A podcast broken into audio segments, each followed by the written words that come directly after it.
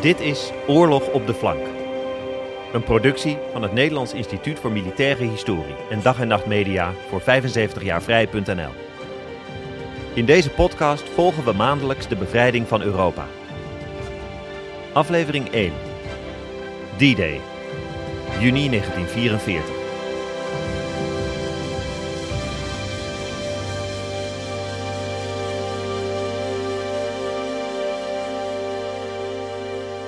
Dinsdag 6 juni 1944. De vroege ochtend. De kust van Normandië. Duitse soldaten maken zich op voor een nieuwe werkdag. Ze bemannen de Atlantikwal, de kustverdedigingslinie die de Duitse propaganda tot mythische proporties heeft opgeblazen. Als ware het de Chinese muur, maar dan in het westen. Ook het Nederlandse Polygoonjournaal moest mee in de ronkende Duitse propaganda. Niet alleen in ons land, doch overal langs de Europese kusten heeft Duitsland voorbereidingen getroffen om een eventuele invasie het hoofd te bieden.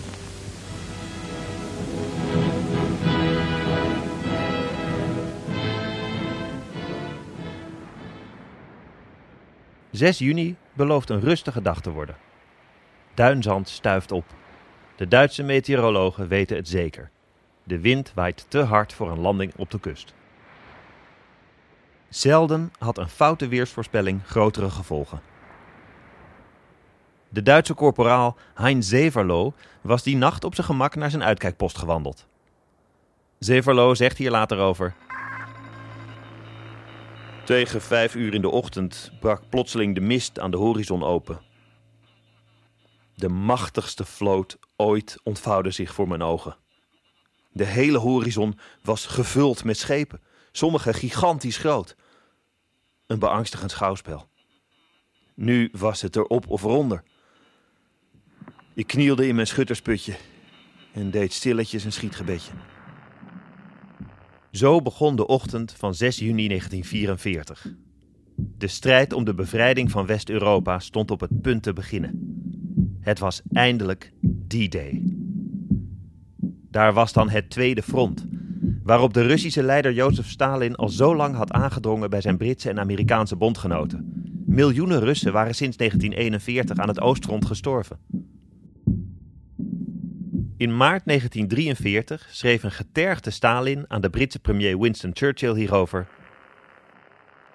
Zoals u zich kunt herinneren, beloofde u dat het openen van zo'n front al in 1942 zou gebeuren. En in elk geval niet later dan het voorjaar van 1943. Op hun beurt wisten de Britten en Amerikanen één ding zeker. Failure was not an option. Een mislukte invasie zou de oorlog met jaren verlengen. De voorbereiding kostte tijd. Veel tijd. Het jaar 1942 verstreek. 1943 verstreek. Pas begin 1944 was de broodnodige heerschappij over de zeeën en in de lucht verzekerd. Het lange wachten werkte natuurlijk in het voordeel van de Duitsers. Hitler gaf eind 1943 de fameuze veldmaarschalk Erwin Rommel opdracht om de Atlantikwal tot een onneembare barrière uit te bouwen. De ervaren Rommel schrok echter toen hij de kustverdediging inspecteerde. Hij gaf onmiddellijk bevel om de zwakste plekken onder handen te nemen.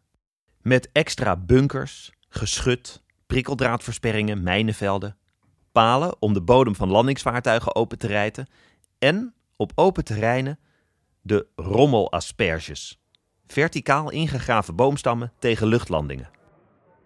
Minder kneedbaar was de kwaliteit van de Duitse manschappen. Veel soldaten herstelden in de kalme Atlantikwal juist van verwondingen of aandoeningen. De bevelstructuur was onduidelijk. Sowieso was de uitrusting vaak ondermaats en de training gebrekkig. Sommige eenheden bestonden uit gevangen genomen Russen, die op deze manier aan de Duitse krijgsgevangenkampen wilden ontkomen. Hun loyaliteit was allesbehalve zeker. En dan kwam er nog bij dat veel divisies bodenständig waren. Zonder transportmiddelen konden ze alleen plaatselijk hun stukje Atlantikwal verdedigen.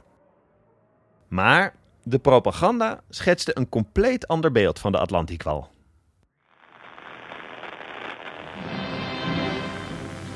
De verdedigingswerken zijn bezet door Duitse soldaten die hun grote oorlogservaring in vele gevechten van deze oorlog opdeden en den tijd van wachten nuttig besteden door zich te oefenen voor de speciale eisen die de strijd tegen een invasie aan hen zal stellen. Ervaren soldaten van de infanterie, van het tankwapen, van de genie, de vesting en de kustartillerie hadden tijd genoeg om ieder plekje van het gebied dat zij moeten verdedigen te leren kennen. En zij zullen het weten te verdedigen. Maar Erwin Rommel had er een hard hoofd in. En ook zijn baas, veldmaarschalk Gert von Roenstedt, klonk weinig optimistisch toen hij zei: De Atlantikwal is een sprookje. Er zit niets voor en niets achter. Het is gewoon een schijnvertoning. En toch was het nog best indrukwekkend wat veldmaarschalk Rommel in korte tijd en met beperkte middelen bij elkaar improviseerde. Ondanks alle zwakke plekken bleek de Atlantikwal op 6 juni 1944 wel degelijk een serieuze hindernis.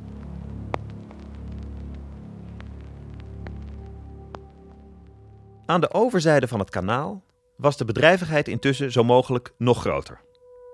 Een Brits-Amerikaans commando had zich aan de minutieuze voorbereiding van de invasie gezet. De leiding over wat inmiddels Operatie Overlord heette, lag bij de Amerikaanse generaal Dwight D. Eisenhower. De geallieerden lieten niets aan het toeval over. Inlichtingendiensten verzamelden miljoenen foto's en aanzichtkaarten van de Franse kust. Desnoods werden ze uit reisgidsen geknipt. Analisten verwerkten de gegevens tot maquettes, gedetailleerde kaarten en panoramafoto's van het gebied. Geologen gaven uitleg over de bodemgesteldheid. Hoe zat het met de werking van eb en vloed? Duikers namen s'nachts bodemmonsters van het Franse strand. Het laatste wat je wilt bij een invasie is dat de tanks wegzakken in de bagger. Waar zou de landing gaan plaatsvinden? Als je op de kaart kijkt, ligt het nauw van Calais voor de hand. Bij helder weer kun je vanaf de krijtrotsen van Dover de Franse kust bij Calais zien liggen. Echter, hier was de Atlantikwal logischerwijs op zijn sterkst. Van alle andere opties was Normandië nog de minst slechte. De Atlantikwal was hier ook minder sterk. Het kwam er nu op aan de Duitsers flink om de tuin te leiden. Immers, hoe langer de Duitse reactie op de invasie uit zou blijven, hoe beter. Vooral de bewegelijke Duitse panzerdivisies waren gevaarlijk. Het geallieerde misleidingsplan heette Operatie Bodyguard. Zoals Churchill ooit opmerkte: In elke oorlog is de waarheid zo belangrijk dat ze moet worden beschermd door een bodyguard van leugens. De Duitsers lieten zich door bodyguard inderdaad in de luren leggen. Ze geloofden de dubbelspionnen en hun verzonnen informatie. Ze geloofden het fictieve radioverkeer dat twee complete spooklegers de ether instuurde. Vooral operatie Fortitude was een succes. In Zuidoost-Engeland, tegenover Calais, creëerden ingevlogen decorbouwers uit Hollywood een indrukwekkend nepleger. Opblaasbare tanks, rubberen schepen en balsahouten vliegtuigen deden stilletjes hun werk. Voor de Duitse verkenningsvliegtuigen leken ze echt. Mede hierdoor hadden de Duitsers geen enkel idee waar de landing uiteindelijk zou plaatsvinden. Calais? Normandië? Noorwegen? Of toch de Balkan? De geallieerde voorbereidingen borrelden van inventiviteit. Constructeur Andrew Higgins bijvoorbeeld had ervaring opgedaan met platte moerasboten in Louisiana. Zijn Higgins-boten bleken zeer geschikt om in ondiep water troepen aan land te zetten. Een echte uitvindersclub was de eenheid van de Britse generaal Percy Hobart. Een licht excentrieke figuur, maar dat was nu vooral een voordeel. Geen idee was te gek. Zijn eenheid ontwierp een scala aan zogenaamde funnies. Voertuigen met vlammenwerpers, brugleggers en mijnruimende accessoires. Die laatste had als bijnaam de vlegeltank. Stalen ballen aan zware kettingen, opgehangen aan een snel draaiende as, geestelden de grond voor de tank, waardoor eventuele mijnen zouden ontploffen. Al even bizar was de zwemmende tank. Dankzij een canvas scherm om de hele tank heen bleef de metalen reus drijven. Een kleine propeller bracht de dobberende tank tot op het strand. Stalen zenuwen waren wel een eerste vereiste voor de bemanning. Funnies waren het inderdaad. Zo weggereden uit een boek vol sterke verhalen. Maar misschien wel het meest invloedrijke staaltje inventiviteit van de geallieerden waren de twee kunstmatige havens, de zogenaamde mulberries. Dit waren eigenlijk drijvende kades. Bij hoog of laag water, de bevoorradingsschepen konden altijd afmeren. Enorme betonnen caissons verbonden de drijvende pontons met het strand. Om de Mulberries heen werd een beschermende ring van afgedankte schepen afgezonken om als golfbreker te dienen. De Mulberries bleken van onschatbare waarde.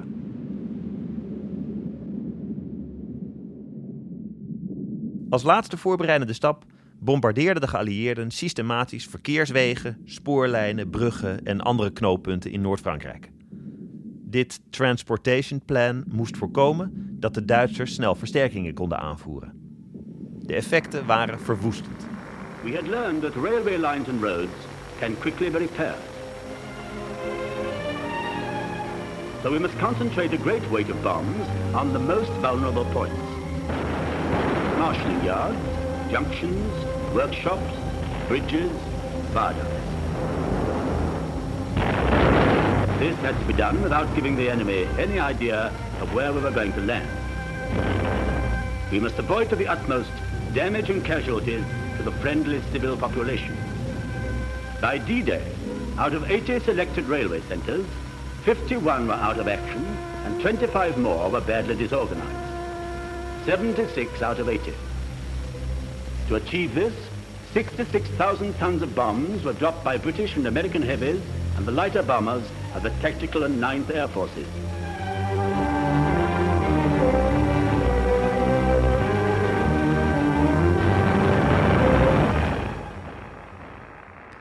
Aan het Transportation Plan deden ook Nederlandse bemanningen mee. Ze vlogen onder andere bij de Dutch Squadrons van de Britse luchtmacht. De Nederlandse militairen in Engeland smachten na al die jaren natuurlijk naar nieuws uit bezet Nederland. Voor de microfoon greep één militair zijn kans. Dan zou ik, nu ik toch voor de radio spreek, niet een groet mogen uitzenden naar mijn familie. Ja, natuurlijk mag dat. Ik heb twee kinderen in Noord-Holland. Een meisje en een jongen. En ik heb al die jaren niks van ze gehoord. Tini en Joop. Hier spreekt papa Leo. Ik heb maar eenmaal over het Rode Kruis van jullie gehoord. Schrijf nog eens. Met mij is het goed, mij bekeert niks. Ik ben vol vertrouwen en hoop jullie straks weer gezond en wel terug te zien. De missies van de luchtmacht boven Frankrijk bleven gevaarlijk. Het Duitse afweergeschut was berucht. Dat ervoer onder andere de bemanning van een tweemotorige Mitchell-bommenwerper. We waren boven Frankrijk, een mijl of acht van de kust. En we hadden juist ons doel gebombardeerd toen ze van de grond begonnen te schieten. En goed raak ook. Meteen roept de captain, er is iets loods aan mijn linkermotor. En toen zag ik vanuit mijn schietkoepel dat hij in brand stond. De motor werd afgezet en gelukkig scheed hij eruit met branden. Nog een minuut later hoor ik de captain zeggen, nou verdikt mijn rechtermotor het ook. Toen snapten we allemaal dat we er goed aan zouden doen ons klaar te maken om te springen. En dan deden we dan ook, als de bliksem. Maar in plaats van een order om te springen, kregen we er een om te ditsen. Dat is op zee dalen. We namen onze maatregelen, want je kan erop rekenen, een paar flinke klappen te krijgen. En die kwamen dan ook. Twee harde klappen. Toen de kist stil lag, kropen we eruit, in de rubberboot. Met mij ging dat niet zo vlot, want ik bleef haken. Maar gelukkig net op tijd, toen de kist naar beneden ging, wrong ik me vrij en lag ik in het water. Het bootje dreef een eindje weg, maar daar zwom ik naartoe. En toen hielpen ze me erin. Twee Spitfires cirkelen boven ons en die gaven onze positie direct op de radio. Nou, die positie was niet zo best. Zo naderde D-Day. De landing in Normandië stond in eerste instantie geprikt op 5 juni 1944. Eisenhower's strijdmacht was gigantisch. 6000 schepen, ruim 700.000 man aan gevechtseenheden, plus bijna 12.000 vliegtuigen. De bestorming van de Atlantiekwal zou een bloedige affaire worden, was de verwachting. Voor het slapen gaan verzuchtte premier Winston Churchill tegen zijn vrouw: Je moet er niet aan denken dat tegen de tijd dat je wakker wordt morgen vroeg er 20.000 man gesneuveld kan zijn. Maar het weer bepaalde anders. De golfslag was te hoog. De wind zou de landingsschepen uit koers blazen. De meeste landingsvaartuigen waren hoe dan ook nauwelijks zeewaardig. Generaal Eisenhower nam het besluit de landing één dag uit te stellen. 5 juni werd 6 juni. Early in the morning of June 4th, I came from my camp about a mile from here, came into this room. And uh, Captain Stagg, who was the chief meteorologist for the Allied forces, he made the presentations. That morning, the stars were out, it looked beautiful, and he gave us the worst report you ever saw. If, and he talked about gales hitting the uh, Normandy beaches, and uh, uh, winds up to you know the rate of 45 miles an hour, that kind of thing, landing would be impossible. So I just said, all right, we have to postpone. So we postponed for 24 hours. Voor de mannen, intussen ingescheept, was het uitstel afzien geblazen op de ruwe zee. Niet dat het ze ontbrak aan blakende zelfverzekerdheid. Nee, geoefend was er genoeg. Was left to chance. Every loading operation was rehearsed and timed in advance. Every soldier knew his station. Every man knew just where he was to fit into the gigantic pattern. Daily they boarded their ships. For all they knew, they were bound for France or Belgium or wherever their commanders had decided to strike. Every jeep, every tank, every piece of mobile equipment was assigned its place in the grand strategy of attack.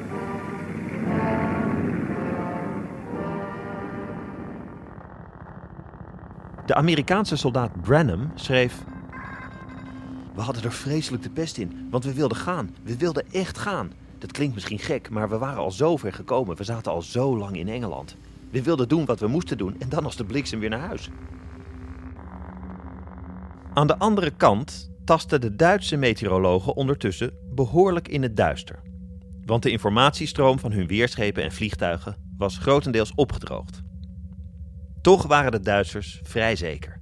Het slechte weer boven het kanaal zou een landing de komende dagen te riskant maken. Maar toen kwam, op 5 juni, die ene lucky break voor de geallieerden. De weersvoorspelling beloofde een korte periode van iets beter weer. Eisenhower moest opnieuw de knoop doorhakken. Actually, I think after 30, 45 seconds, something like that, I just got up and said, okay, we'll go. And uh, this room was emptied in two seconds. Oké, we'll go. Het signaal voor de invasievloot om het kanaal over te steken richting Normandië. Die avond van 5 juni zond de BBC speciale codeberichten uit voor het Franse verzet. Om spoorwegen op te blazen en telefoonkabels door te snijden. Eisenhower gaf zijn mannen een persoonlijke boodschap mee. De grote kruistocht tegen Nazi-Duitsland zou eindelijk beginnen. Soldiers, sailors, and airmen of the Allied Expeditionary Force. You are about to embark upon the great crusade toward which we have striven these many months. The eyes of the world are upon you. The hopes and prayers of liberty loving people everywhere march with you. In company with our brave allies and brothers in arms on other fronts, you will bring about the destruction of the German war machine, the elimination of Nazi tyranny over the oppressed peoples of Europe, and security for ourselves in a free world. The tide has turned. The free men of the world are marching together to victory. I have full confidence in your courage, devotion to duty, and skill in battle.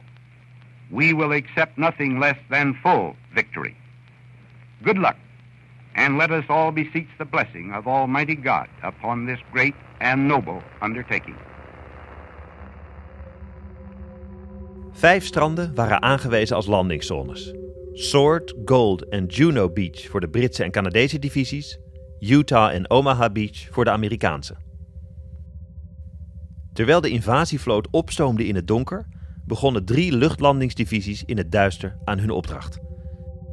De invasiestranden beschermen, knooppunten innemen en saboteren. Vooral de Britse actie bij de Pegasusbrug over het kanaal van Caen was een succes. Het werd een klassieke commando-overval. Vijf zweefvliegtuigen landden op meters van de brug. De Duitse soldaat Wilhelm Furtner schrok zich wezenloos. Vliegtuigmotoren had hij natuurlijk nooit gehoord. Hij hoorde alleen het geluid van de harde landing, het geluid van versplinterend hout. Hij greep zijn geweer, hoopte er het beste van en ging er maar vanuit dat het een neergestorte bommenwerper was. Caen werd immers gebombardeerd. Het luchtafweergeschut dreunde in de verte. Opeens een verblindende flits. De explosie van een fosforgranaat. Zijn kameraden openden het vuur op de aanstormende Britten, maar tevergeefs. Na een korte schermutseling was de Pegasusbrug in Britse handen. De eerste slag was geslagen.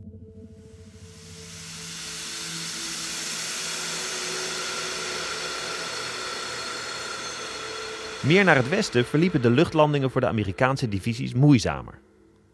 Door de dichte bewolking werden de Pathfinders, de gidsen die de landingszones moesten aangeven, op de verkeerde plek gedropt.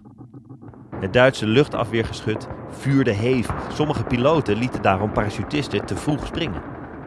En de Duitsers hadden veel laagliggend gebied onder water gezet. Zwaar bepakt verdronken heel wat parachutisten. De Amerikaanse soldaat Griffing schreef. Beneden mij vuurde Duits luchtafweergeschut uit vier lopen tegelijk 20 mm kogels af. Ik was het enige dat ze hadden om op te schieten. Ik zag de lichtspoorkogels onder me doorvliegen. Ik kon het niet helpen, maar ik trok mijn benen op. Zelfs nadat ik geland was, bleef dat ding op mij vuren. Louter Teutoonse hardnekkigheid zou me uiteindelijk vast de das omgedaan hebben. Als niet de volgende golf vliegtuigen was aangekomen en ze daarop gingen schieten. Chaos, ongelukken, slachtoffers. En toch bleken de luchtlandingen die nacht behoorlijk succesvol. De Duitsers raakten in verwarring. Hun twijfel werd alleen maar vergroot door de zware bombardementen die intussen waren losgebarsten. Veel Duitse commandanten dachten aanvankelijk dat al die overkomende toestellen wel bommenwerpers zouden zijn. Aan transporttoestellen met parachutisten en met zweefvliegtuigen dachten ze in eerste instantie niet. De commandanten lieten hun eenheden daarom waar ze waren. Over geluk mochten de geallieerden niet klagen. De zware bommenwerpers, die er zeker wel waren, probeerden ook de Atlantikwal zelf te slopen. Ze misten alleen bijna allemaal hun doel. Het zicht was slecht en de piloten waren vaak bang de eigen landingsvloot te raken. Achter Omaha Beach, een van de Amerikaanse landingsstranden, lag Vierville. Normaal gesproken een slaperig kustplaatsje, maar nu werden de bewoners de hele nacht al wakker gehouden door de vliegtuigen. Bij dageraad verzamelden zij zich in het huis van Clément Marie, want daar was een verrekijker en zicht op de zee. Pierre Piprel deed verslag. Vanuit het zolderraampje keken we om beurten naar de formidabele vloot, die groter en groter werd naarmate ze dichterbij kwam. We zagen de zee niet meer, alleen maar schepen, overal.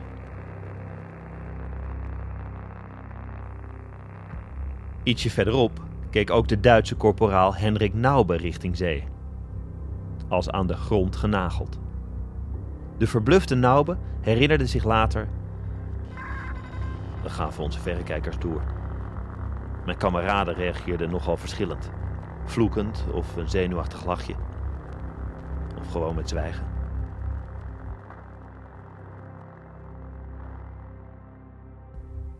Een van de schepen in die formidabele geallieerde vloot was de Nederlandse kanonierboot Harer Majesteits Flores.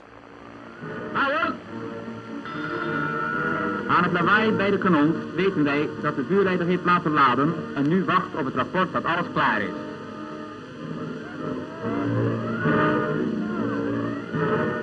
Kanon 1 gereed. Kanon 3 gereed. Batterij gereed.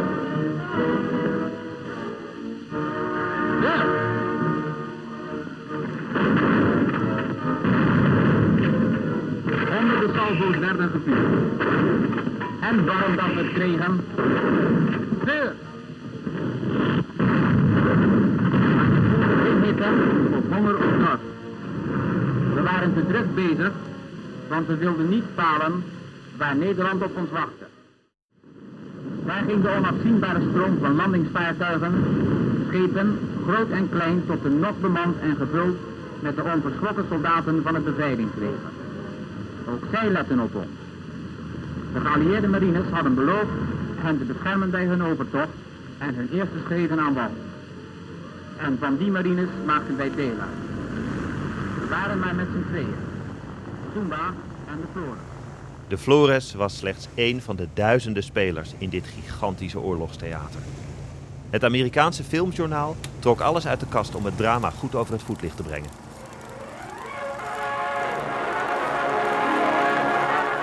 Early dawn of D-Day, June 6, 1944, the largest battle armada in history heads across 80 miles of rough channel water from England to the northern coast of France.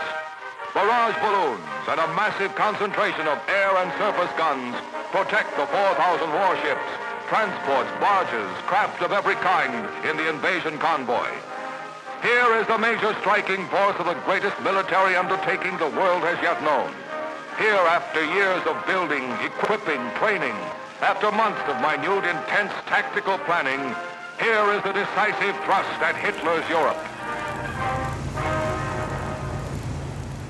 De Britse stuurman Jimmy Green moest 30 Amerikaanse soldaten afleveren op Omaha Beach.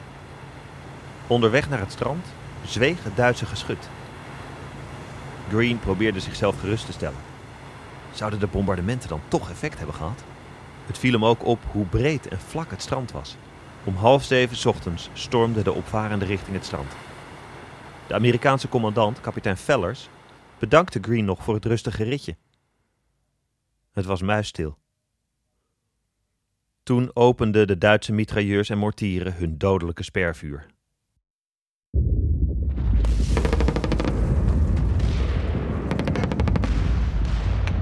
Binnen enkele minuten sneuvelden kapitein Fellers en zijn 29 soldaten. Omaha Beach zou de bloedigste landingsplek blijken te zijn.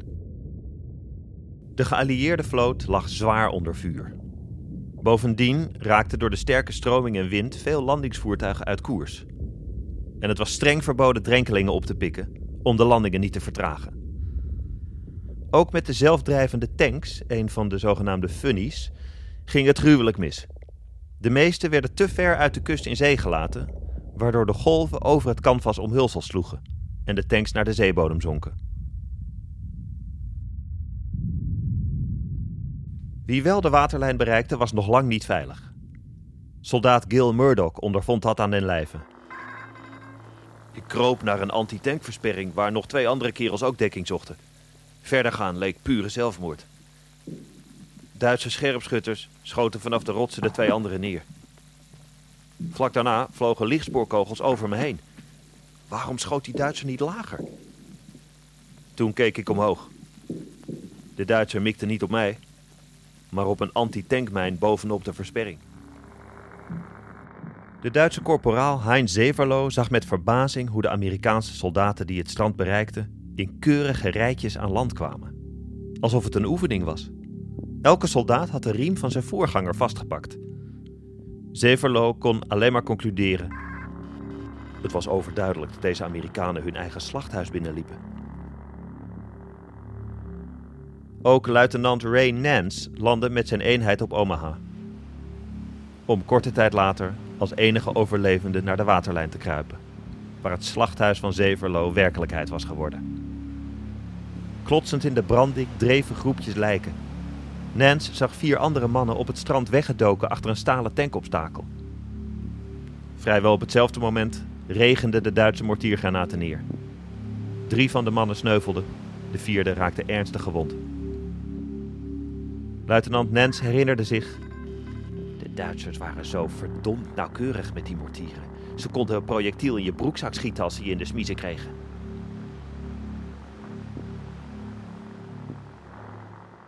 Nance overleefde Omaha Beach, maar de meeste officieren niet.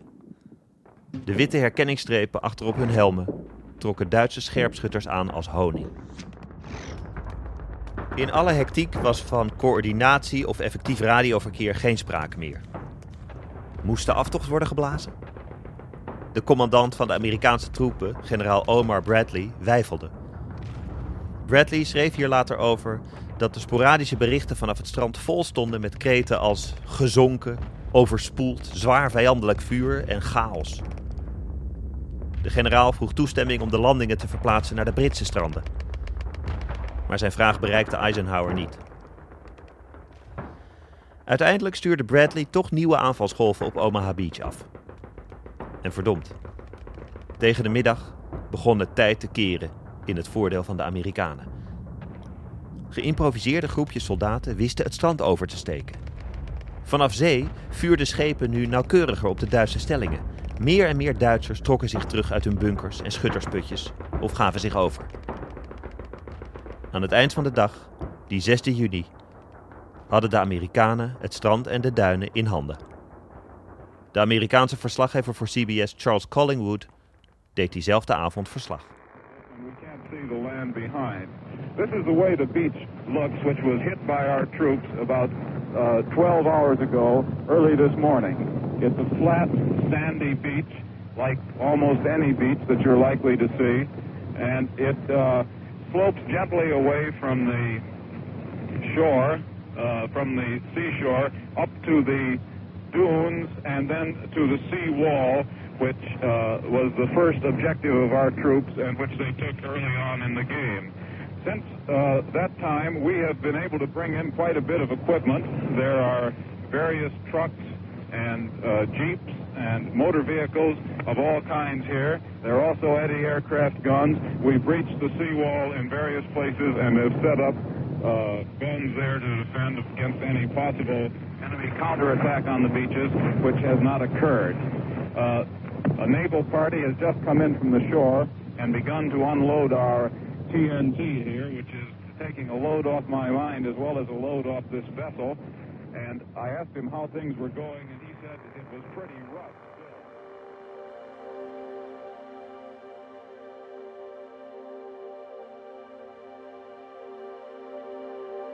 Hoe ontvouwde zich de strijd intussen op de andere vier stranden? Utah, Juno, Sword en Gold Beach. Daar liepen de landingen gesmeerder. Het verhaal van de Canadese sergeant Gary P. op Juno Beach spreekt boekdelen. Gary P. zat op een van de 19 drijvende tanks van zijn squadron. Hij kwam als een van de eerste aan land na een stormachtige rit over zee. De Duitse soldaten in de duinen wisten niet wat ze zagen toen de tank uit zee oprees. Sommigen vluchtten in paniek. Anderen waren zo verbaasd dat ze gingen staan om eens goed te kijken wat hen tegemoet kwam. Daarmee werden ze perfecte doelwitten. Of zoals Garipi het zei, we maaiden ze neer als maiskolven. De Atlantiekwal was doorbroken.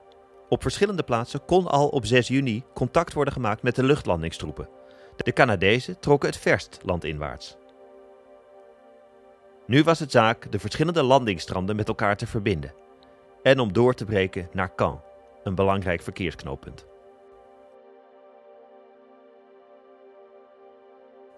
Maar de Duitsers. Hoe zat het met de Duitsers?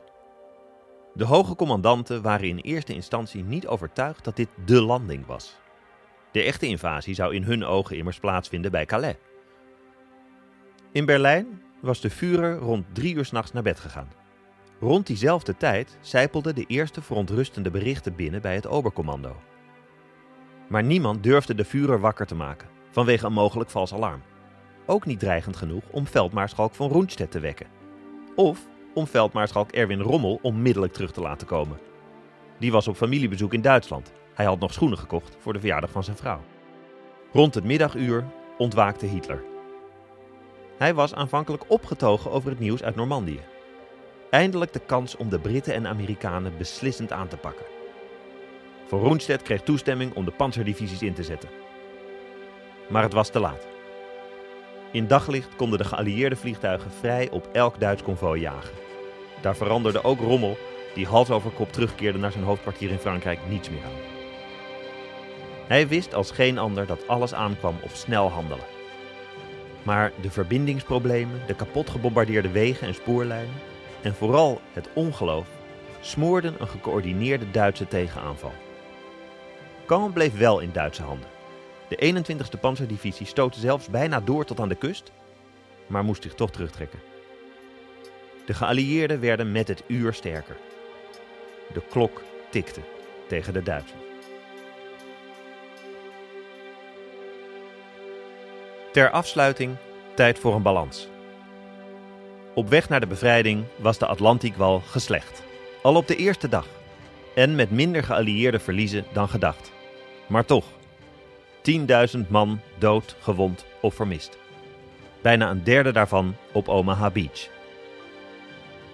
Als 7 juni 1944 aanbreekt, D-Day plus 1, hebben de geallieerden een flinke klap aan de Duitsers uitgedeeld.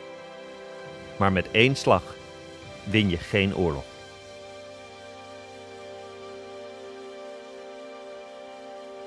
De eigenlijke slag om Normandië moest nog beginnen.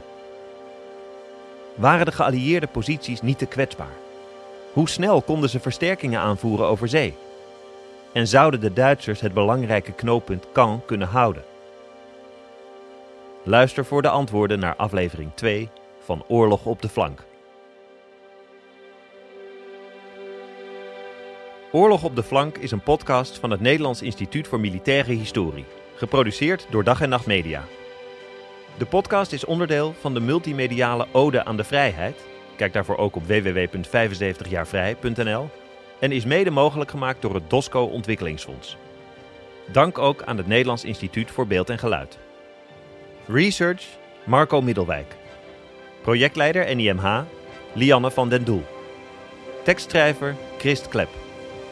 Productie en editing Anne Janssens van Dag en Nacht Media. Audiovormgeving Studio Cloak. En mijn naam is David Lucier. Tot volgende maand.